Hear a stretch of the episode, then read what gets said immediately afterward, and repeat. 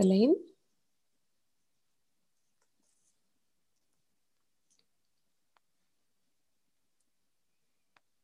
Hej allihopa! Varmt välkommen till ännu ett avsnitt av Feminvest-podden. Eh, för dig som lyssnar för allra första gången så kommer vi ut varje torsdag och vi belyser olika teman runt entreprenörskap och investeringar. Vår ambition är att fler tjejer ska ta för sig när det kommer till sin egen ekonomi och känna ett större självförtroende. Eh, därför så är jag superpepp på den här veckans gäst som är ansvarig för distributionen av Von Tobels eh, investeringsbara produkter i Norden. Och för dig som inte känner i, till Von Tobel sedan tidigare så är det en av de världsledande eh, investmentbankerna globalt. Den är schweizisk grundad grundades redan i 1924 och har tusentals anställda över hela världen. I alla fall 22 länder om jag har förstått det rätt. Och eh, Henrik, stämmer det? ja, det är, ungefär 22 för tillfället. Ah. Det stämmer. Eh, och eh, du har ju så många års erfarenhet av eh, investeringar och jobbat i bank på olika sätt. Du och jag har faktiskt en sak gemensamt, för vi har bägge bott i London och jobbat där. Jag jobbar inte inom finans i och för sig, men eh, jag hängde på Anglesey Arms. Känner du till den puben? Ja, det, det, den känner jag till väldigt bra.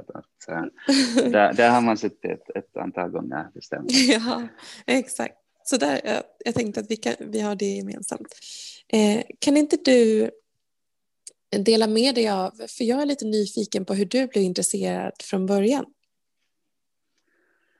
Ja, alltså, ska jag säga min, min karriär eller min, min, äh, mitt, ja, min karriär inom finans så, så började ganska klassiskt med, med, med att äh, studera finans och sen ha en ambition att, att äh, ska jag säga, vara i London och vara i cityn och jobba för stora banker och, och så här. Att, att det är egentligen en väldigt klassisk uh, story och, uh, och egentligen så, så är jag ännu på samma, samma resa. Att, uh, det var ungefär 15 år sedan och, och nu så efter diverse banker och, och olika roller så, så sitter jag här i Frankfurt och, och som sagt nu ansvarar för, för von Tobels erbjudande i Norden. Och, och egentligen när det kommer till då våra, vårt erbjudande, är det som vi, vi distribuerar för tillfället, är, är främst då olika börshandlade produkter som ETPR och, och, och olika tradingprodukter. Och egentligen det här är någonting som, som jag har jobbat med hela min karriär och, och därför så, så är det väldigt, väldigt eh, givande och trevligt att, att nu få vara med förstås med Feminvest och, och och berätta mer om, om vårt erbjudande och, och egentligen de möjligheter som de här produkterna erbjuder. Ja, för ni är ju en jättespännande eh, eh, liksom plattform på så många olika sätt. Det som ni är otroligt duktiga på det är ju att snappa upp megatrender och skapa investeringsmöjligheter utifrån det. Så vi ska komma in lite på vad, vilka megatrender som ni ser just nu eh, lite senare i den här podden. Eh, men först så skulle jag vilja höra också dina ord om von Tobels väldigt anrika historia. För jag, jag, tror att det är kanske inte så många av de som lyssnar här som känner till banken. Ja, von Tobel egentligen då grundades eh, 1924 och, och, och vi är även ännu idag en, en helt fristående oberoende bank som som till majoriteten är ägda av, av samma familj som, som grundade den. Och, och egentligen organisationen och kulturen så, så reflekterar det, detta i banken. Att, att, eh, att, som sagt, vi är inte de största, men, men, eh, men vi har väldigt eh, tight network och, och egentligen om vi ser på, på var, vi, var vi befinner oss idag så, så definierar vi oss som, som en, en global Eh, förmögenhetsförvaltare som, som erbjuder väldigt, eh, ska vi säga, eh, teknologifokuserade lösningar. Och utan att förstås glömma det att vi har schweiziska rötter och, och egentligen tradition är också en väldigt viktig del av vår verksamhet. att, att om vi ser på, ska vi säga, som, som vi redan nämnde här tidigare så, så fungerar, eller vi har verksamhet på global nivå med huvudkontoret i Zürich och, uh, och vi är ett börslistat bolag så egentligen uh, regleras vi som alla andra schweiziska banker av, av lokala finansinspektionen och, uh, och ja, ska vi säga, uh, målet för oss är att, att alltid uh, utgå från, från kundbehov och, och erbjuda möjligast uh, hög kvalitet på service och, och bästa möjliga investeringslösningar för våra kunder. Mm. Eh, men just det här med megatrender då, för att ni, man kan ju se det i tidningen emellanåt också, det här är en megatrend eller så. Men vad definierar en sån trend från, eh, för investerarna som lyssnar? Ja, så som vi ser det så, så uh, megatrender så, så är långsiktiga teman som egentligen uh, byggs upp av en kombination av, av, av tid och inflytande. Och, och egentligen för att då komma till en megatrend så, så, så har vi ju, det finns ju flera faser, flera steg till, till den här trenden och, och egentligen äh, kortsiktiga trender som, som har inflytande över några år så de växer sen till, till ska vi säga, till, till hypes som, eh, som egentligen efter en hype så byggs en normal trend och då talar vi om tidsperioder över 35 år när inflytande har, har egentligen vuxit. Och sen när det kommer till, till en så kallad megatrend så då talar vi om, om tidsperioder som då går från fem år upp till 20 år som egentligen då det blir en, en, en industricykel, det blir en, en, som sagt en megatrend. Mm. Och, och, och det som äh, egentligen hur de byggs upp, så, så de byggs upp av, av strukturella förändringar i samhället som kan bero på demografisk förändring, ekologisk förändring, äh, människors beteende eller socioekonomiska situationer utvecklas och, egentligen allt som, som påverkar vårt samhälle och, och både vårt privatliv och ska säga, företagsväsende så, så det skapar en, en megatrend. Mm. Intressant. Eh, vill du ge no, några strukturella eller exempel på långsiktiga strukturella megatrender? Ja, no, det, den som, det som, vi, som är kanske den klaraste som man kan relatera till är förstås då den megatrend som sker inom teknologi och innovation. Och, och det här är något som, som egentligen inverkar alla våra liv väldigt direkt. Och, och, och teknologi så, så kan då ses uh, hjälpa utveckla uh, ineffektivitet och, och egentligen möjliggöra företag eh, en tillväxt som inte annars eh, skulle ha, eller som annars skulle ha tagit en betydligt längre tid. Och, och, och, om man då kombinerar teknologi och innovation så, så blir det här, ska vi säga, en väldigt stark, eller väldigt starkt fundament för en megatrend. Och, mm. Eh, och, och, och ja, hur gör ni då eh, för att liksom bygga en exponering mot en megatrend? Ja, alltså när vi ser på, på, som sagt, på olika investeringscase och, och på rätt trender som, som byggs upp uh, över längre tidsperioder så, så, så har vi oftast uh, vissa kriterier som egentligen då måste uppfyllas. Så egentligen så, så, så ser vi ju förstås, vi har ju en, en en investeringskommitté som, som då med jämna mellanrum följer upp vad, vad det sker i, i världen och, och, och de egentligen, där, där börjar man med att identifiera den här trenden, att, att, att vad det kan handla om. Att, att eh, det är ju inte alltid, uh, ska vi säga, um,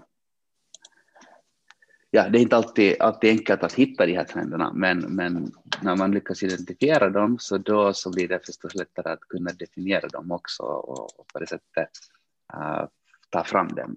Att, att, mm. uh, att för tillfället om vi ser på, på överlag på, på olika sådana här uh, teman och trender så, så, så det är ju då förstås innovation och teknologi. Sen, sen så har vi förstås en hel del när det kommer till, till ESG, så hållbarhet, så det är en väldigt stor megatrend.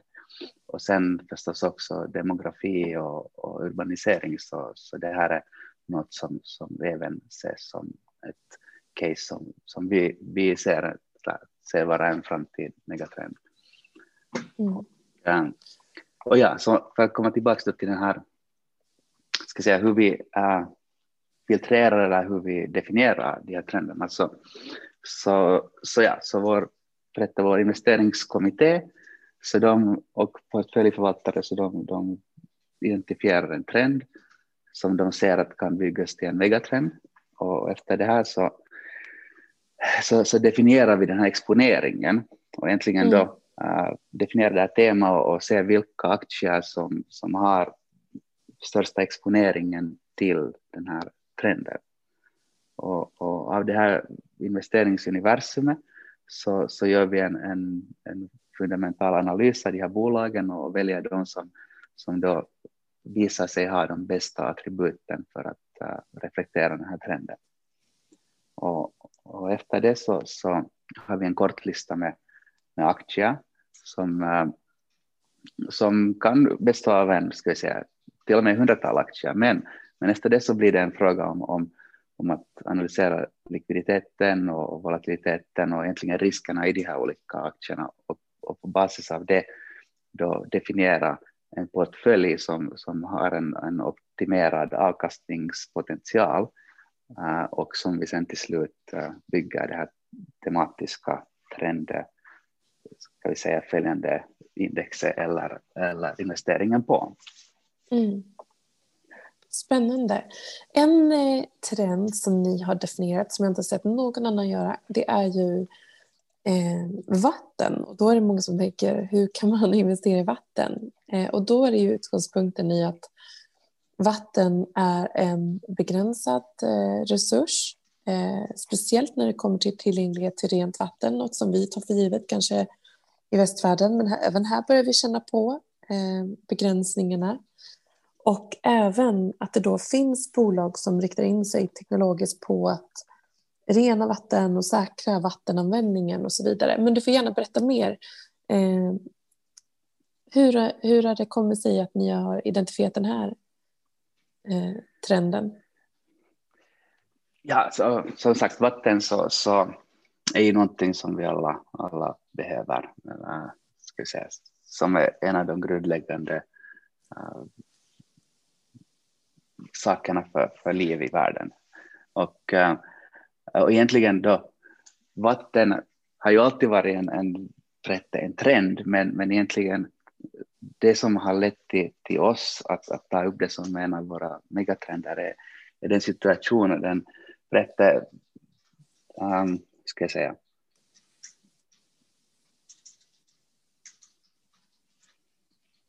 ja, det, eller vi ser att det, det finns en allvarlig um, brist på vatten, eller som, ja, hur ska jag säga det här?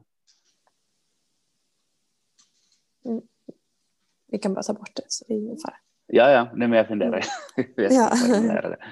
ja. um, Okej, okay, men okay, vi tar från, från början där. Då. Mm.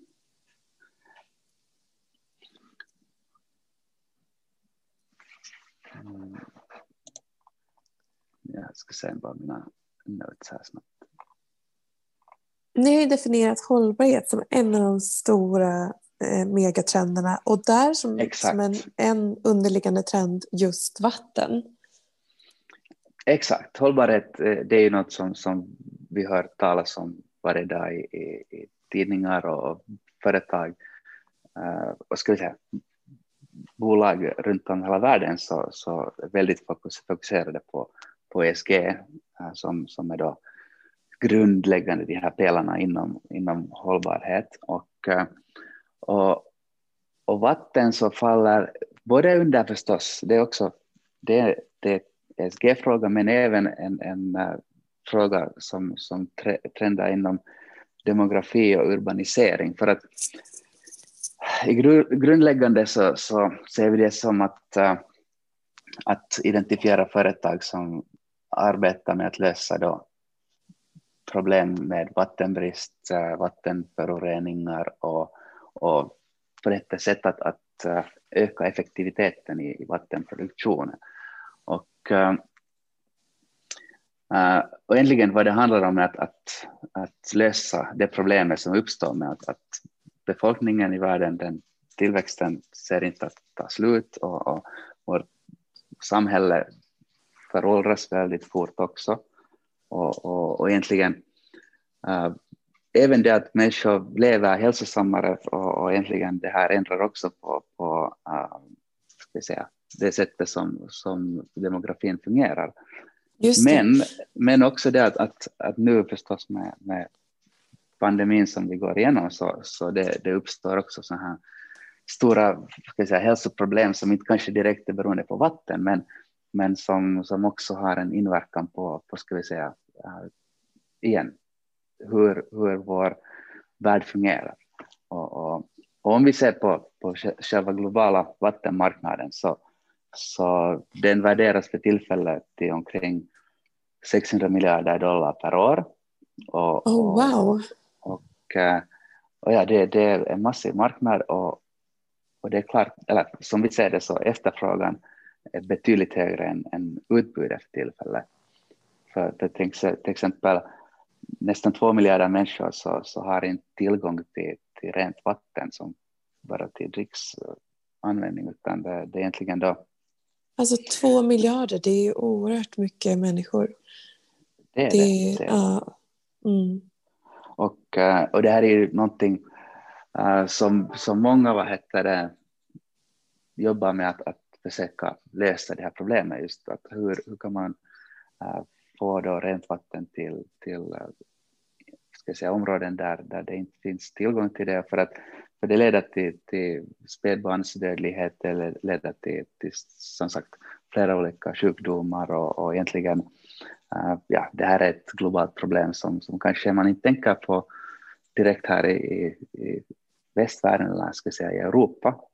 Men även här så, så, så, finns det regioner som, som det klart finns en brist på vatten på. Att, att eh, till exempel även i, i, Europa, så i Storbritannien och, och i Sverige så finns det uh, vissa problem med tillgång till vatten. Att, att, eller de kallas för vattenbelastade områden. Att, uh, att det är på, på grund av som sagt befolkningstillväxt och, och ökad levnadsstandard och, och därför så förväntas äh, efterfrågan på vatten att, att öka med, med cirka 40 procent fram till 2030. Mm. Och, och i och med den här tillrätta ökningen så, så kommer det att leda till att ungefär hälften av hela befolkningen på jorden så kommer att att bo i rätt vattenbelastade områden. Men eh, hur, eh, vilka typer av bolag eller industrier kan man då se i det här indexet? Vad, vad, vilka riktar ni in er på så att säga? Så de bolagen som, som, eh, som vi har då filtrerat med i det, till det här indexet, så, så de är verksamma inom eh, vattenutvinning och lagring, Eh, sen även inom infrastruktur och effektivitet. Och egentligen vad det, vad det handlar om så är ett exempel då utvinning av grundvatten och också avsaltning av havsvatten.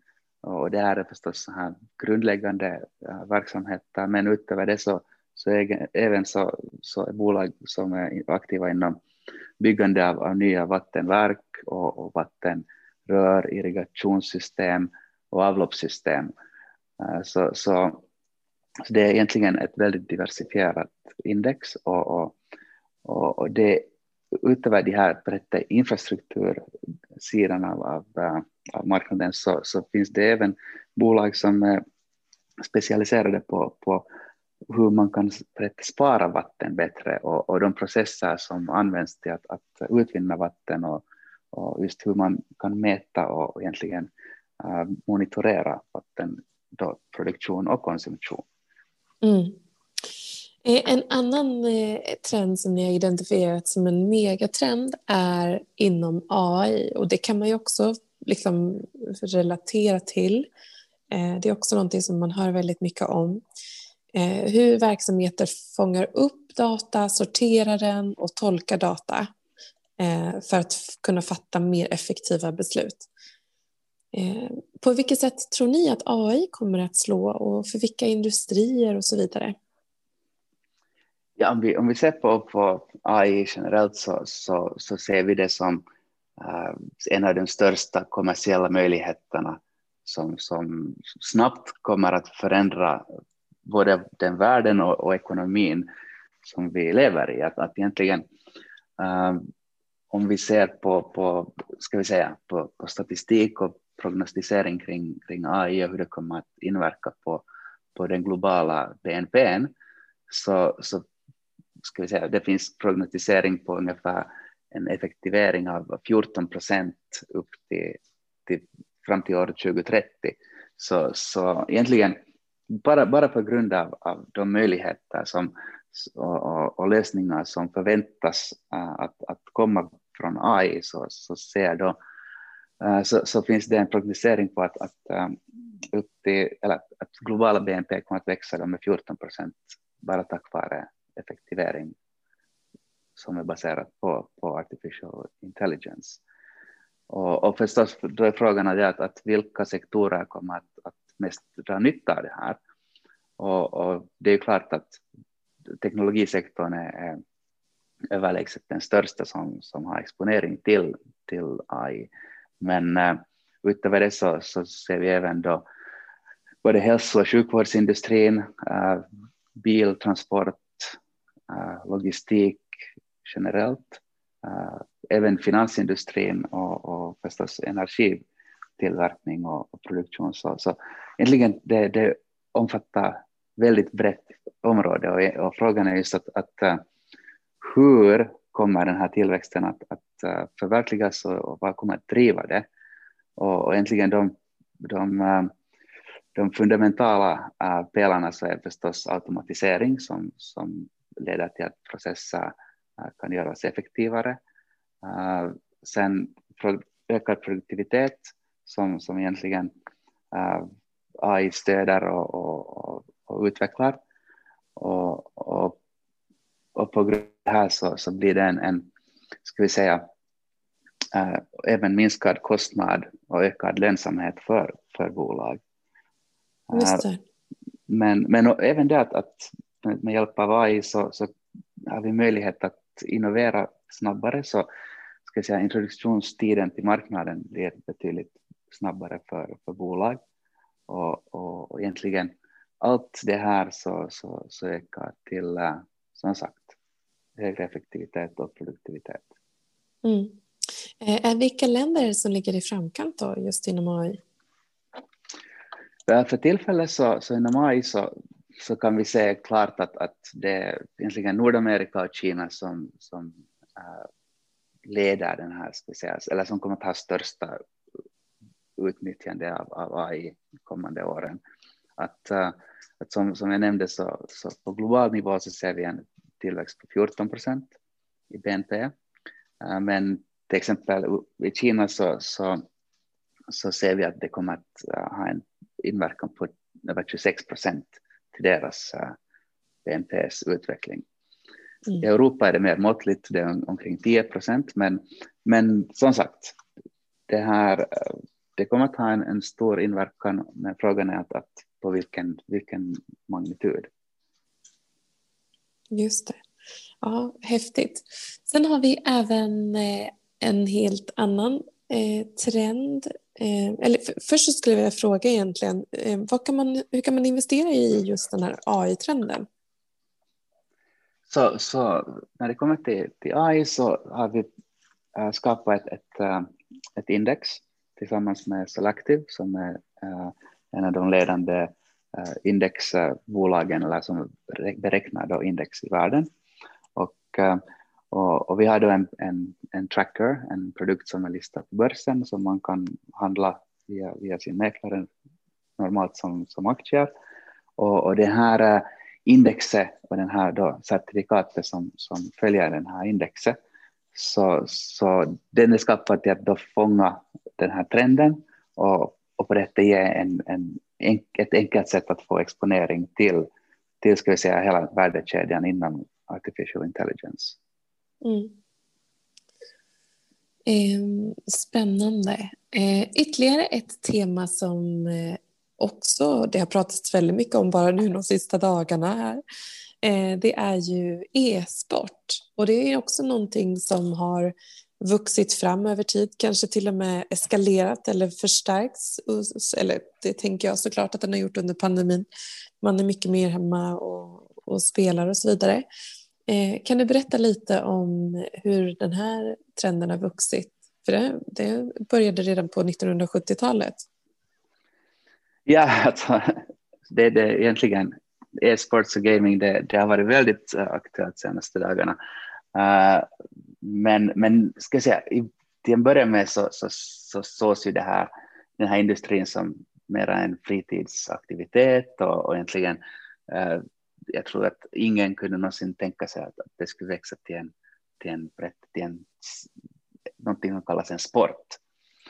Men, men, eh, men idag så, så egentligen så finns det professionella idrottare, det finns eh, så här sportteams, det finns självklart en, ett helt ekosystem omkring den här industrin som, som består av då designstudion, distributionskanaler, uh, eh, streaming services.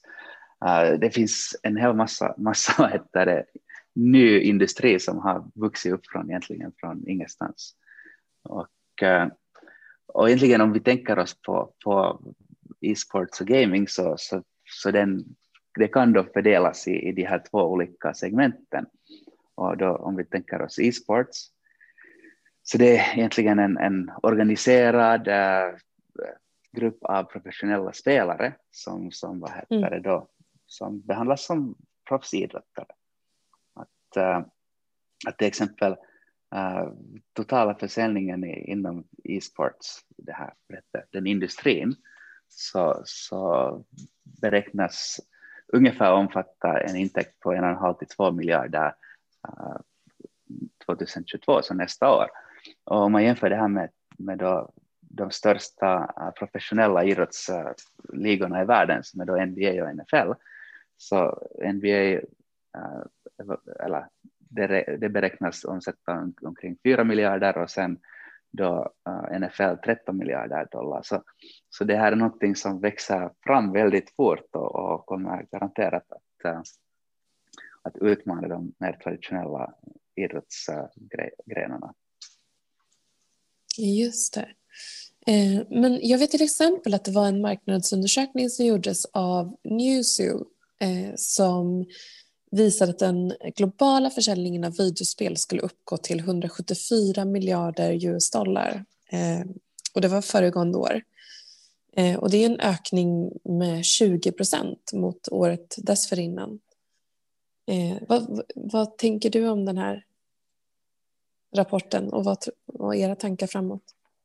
Ja, om vi då ser på uh, utöver vi har den här e-sport-delen uh, och sen har vi förstås videogaming-delen. Och, och det här är självklart ett, ett, uh, ska jag säga, ett ekosystem som även faller ihop med e-sports. Mm. och, och, och egentligen det, det, det är den mera, ska jag säga, den här eller hur ska man kalla det? Um, vad ska jag säga? Ja, det är egentligen frågan om då att konsumenter som själv eh, spelar och, och, handlar spel och egentligen det ekosystemet som är kring, kring den här marknaden. Så, så om vi ser på, på som, som du nämnde, den här globala försäljningen av videospel, så den har ju, eh, den har ju vuxit väldigt starkt och kommer att, att fortsätta växa i och med självklart nu med, med covid och alla som sitter hemma och, och har inte så mycket annat att göra, tyvärr. Så, så den här marknaden har vuxit exponentiellt i år. Uh, alltså ursäkta, förra året. Um, mm. men, men här så, så har också den här, ska vi säga, uh, den här trenden, om vi ser på, på spelmarknaden uh, överlag, så det är ju en enorm marknad, som sagt, eh, värd närmare 200 miljarder. Eh, och, eh, och, och, och, här så har vi sett, eller vi ser att den största förändringen som kommer att ske är, är det att, att, att att, att användare kommer att gå från, ska vi säga, från traditionellt, ska säga, normalt eh, konsolspelande till mobile gaming och online gaming som, som kommer att mm. ändra den här, den här industrin. Mm. Och, jag har sett och, också att eh, även en jättespännande nyhet som jag inte kände till tidigare det är ju att eh, e-sport också blir en del av den traditionella idrottsvärlden i större utsträckning framåt? Ja, exakt. Att, att, äh, det finns som sagt, nu vet vi inte hur det kommer att ske med, med olika sådana större idrottsevenemang, men, men till exempel i de asiatiska spelen 2022 så, så kommer e-sporten att, att vara en del av det officiella programmet. Och det är även det har även diskuterats att, att det skulle införas i olympiska spelen i Paris 2024 som en, en, ska jag säga, en ny disciplin. Så, så det finns uh, väldigt uh, stora prospekt för, för den här industrin. Och, och om vi tänker oss med, med prispengar och, och så här prestige som egentligen då alltid uh, ses på väldigt noga, så, så till exempel om man jämför med då, då världsmästerskap eller World Cup i Fortnite till uh, då US Open i golf så, så prispengarna i Fortnite var, var 100 miljoner dollar och US Open som, som är världens största golfturnering och det kommer till prispengar så där var prispotten endast 12 miljoner dollar så det, det är ganska otroliga summor som vi, vi talar om. Mm. Och sen, du, jag vet att ni har väldigt intressant data på kvinnor och män också. Att eh, den kvinnliga spelaren är 36 år i genomsnitt och den manliga 32 år i genomsnitt. Eh, ja, alltså det, det, var, det är ganska intressant faktiskt. Eh, den här undersökningen som gjordes i, i USA. Och, eh, och där visade det sig som sagt att, att, eh, att 45 procent av alla gamers i USA är kvinnor. Aha.